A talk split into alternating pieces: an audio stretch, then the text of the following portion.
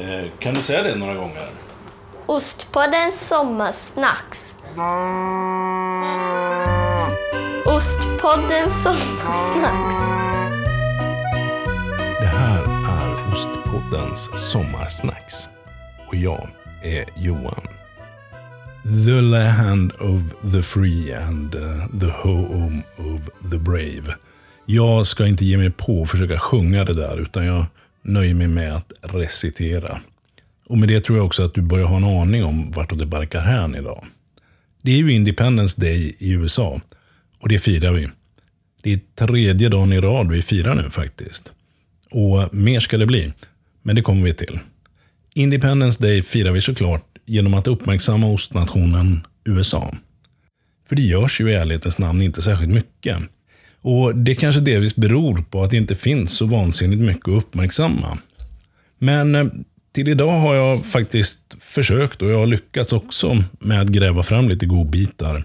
Och lite annat också ska jag väl säga. Och till att börja med så ställde jag mig den ganska naturliga frågan om det fanns någon riktigt ursprunglig amerikansk ost. Alltså någonting som man gjorde redan innan de europeiska invandrarna dök upp. Och eh, efter en del efterforskning så eh, skulle jag nog vilja säga att eh, det fanns det inte, helt enkelt. Ost verkar ha kommit med eh, invandringen från Europa. Och precis på samma sätt som invandrarna gjorde med en del städer i USA, så verkar man ha gjort lite likadant med ostar. De har gjort en over there-kopia helt enkelt. Och så har man kallat den samma sak som i Europa. Eh, så därför finns det inte bara amerikansk eh, cheddar. Det har vi ju faktiskt även svensktillverkad. Utan i USA finns också parmesan och gruyère eh, producerat i USA. Skillnaden med ostnamnen är att det verkar inte vara någon som har bemödat sig om att sätta new före. Som man ju åtminstone gjorde med en del av de där stadsnamnen. Annars hade ju New Parmigiano kunnat vara något faktiskt. Och där avslutar vi första delen av historielektionen i alla fall. Och eh, gör ett hopp fram till nutid. För eh, precis som att det finns Swiss cheese så eh, finns det också något som kallas för American cheese. Eh, jag vet vilken jag föredrar.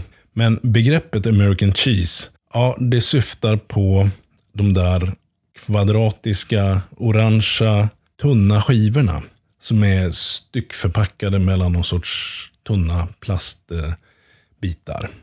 Och faktum är att det är egentligen inte ens ost, utan möjligen en, en skugga av vad som skulle kunna vara ost. I ärlighetens namn så ska vi väl säga då att eh, det faktiskt inte är amerikanerna som från början är skyldiga till det här. Det är faktiskt så att det är en schweizare Eh, så det var en schweizisk vetenskapsman som i början av 1900-talet någon gång kom på att man kunde processa ost och tillsätta lite annat smått och gott och få fram den här typen av lättsmält, eh, ska vi kalla det, tillbehör med eh, drag av ostsmak. Och det är alltså det som i dagsläget har kommit att kallas American cheese. Men det var ju inte den här vetenskapsmannen som hittade på just det. Han hittade mest på produkten. Och för att göra det här till en bra historia så kan vi väl säga att eh, den här stackars schweiziska vetenskapsmannen han blev rullad i kära och fjädrar och satt i isolering på en alptopp som straff för sitt tilltag. Vilket i så fall skulle ha lämnat fältet öppet för en kille som heter James L. Kraft. Ja, som i Kraft Foods. Han såg till att lägga beslag på USA-patentet för det här sättet att processa ost och annat. Så att det blev som det blev. Och han var också den som på 1950-talet låg bakom de första färdigskivade American Cheese Singles. Som sedan dess tagit plats på oräkneliga burgare och grillade mackor. Och i mac and cheese och på vanliga smörgåsar också. Man kan eh, tycka vad man vill om det. Jag är milt sagt eh, inställd. Men där har du din American cheese i alla fall. Och Jag tror att produktionen av den här ingår i det som gör USA till världens största ostproducent. Du vet som vi pratade om för några avsnitt sedan.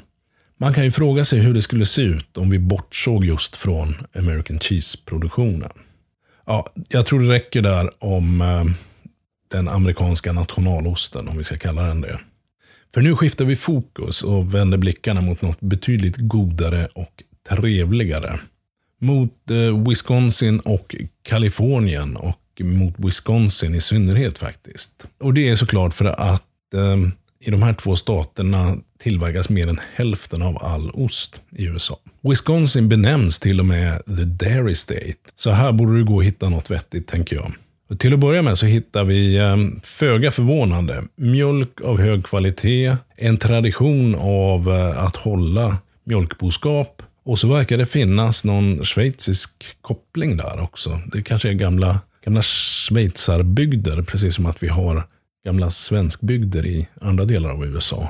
Minnesota är väl det, ja. Hur som helst, i Wisconsin så hittar vi eh, mejeriet Sartori Cheese. Och eh, jag tror det räcker egentligen att konstatera att de exporterar parmesan till Italien. Det är väl en kvalitetsstämpel om något. Och eh, man får väl se det som en bedrift på mer än ett sätt. Sen har vi ett annat ysteri som heter Emmy Roth.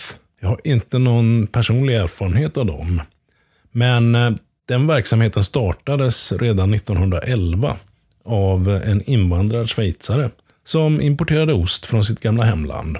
Så småningom, 80 år senare faktiskt, så det är inte allt för länge sedan, så kläckte de också idén att man faktiskt skulle göra ost på ort och ställe. Ja, mejeriet hänger i och för sig ihop med schweiziska Emmy.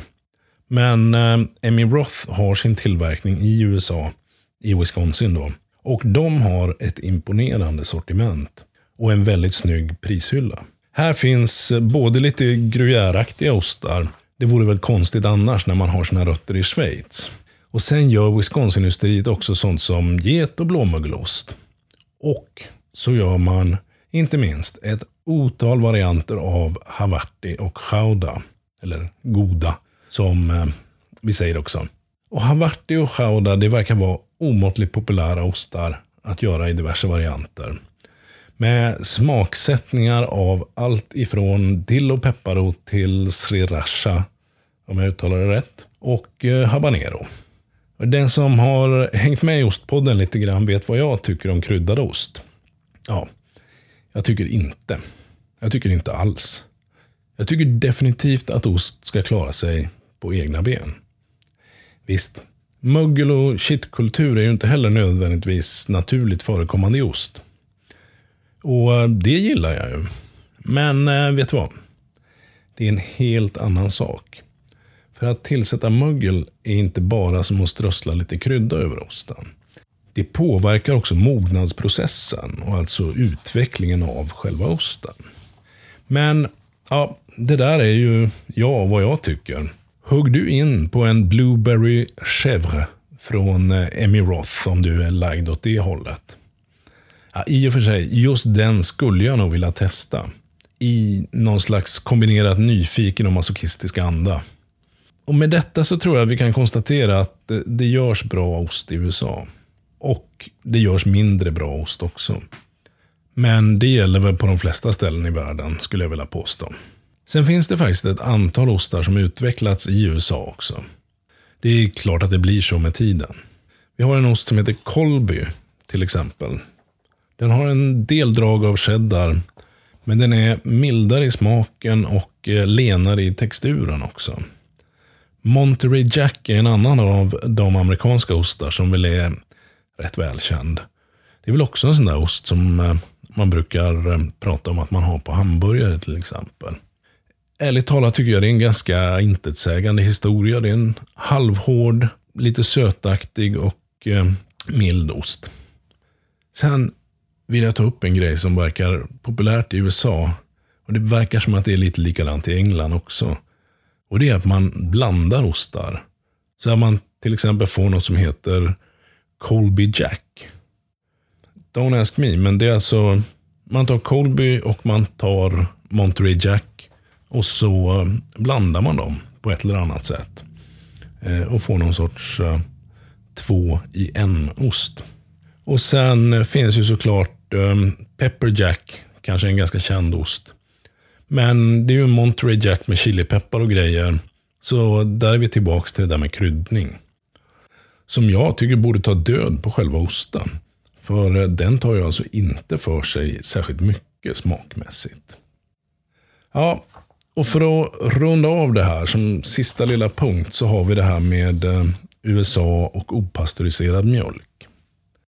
Tidigare har jag hört att ostar gjorda på opastöriserad mjölk är totala no-nos i USA.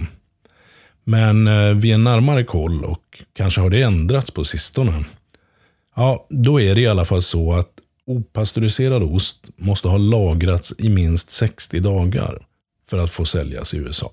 Då tycker nämligen FDA att eventuella farligheter i osten ska vara borta. Och Det här det ställer såklart till den när det gäller flera av de mjuka ostarna som eh, kanske ska lagras runt 4-6 veckor bara. Camembert som ofta bara lagras en 4-5 veckor är ju bara ett exempel. Ja, det här blev ett eh, snabbt litet svep över ett stort land.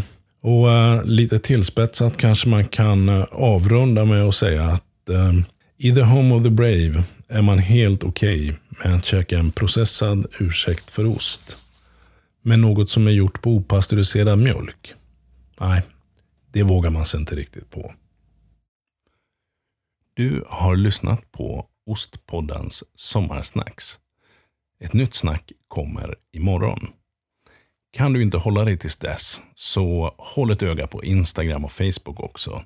Där händer det möjligtvis någonting redan tidigare.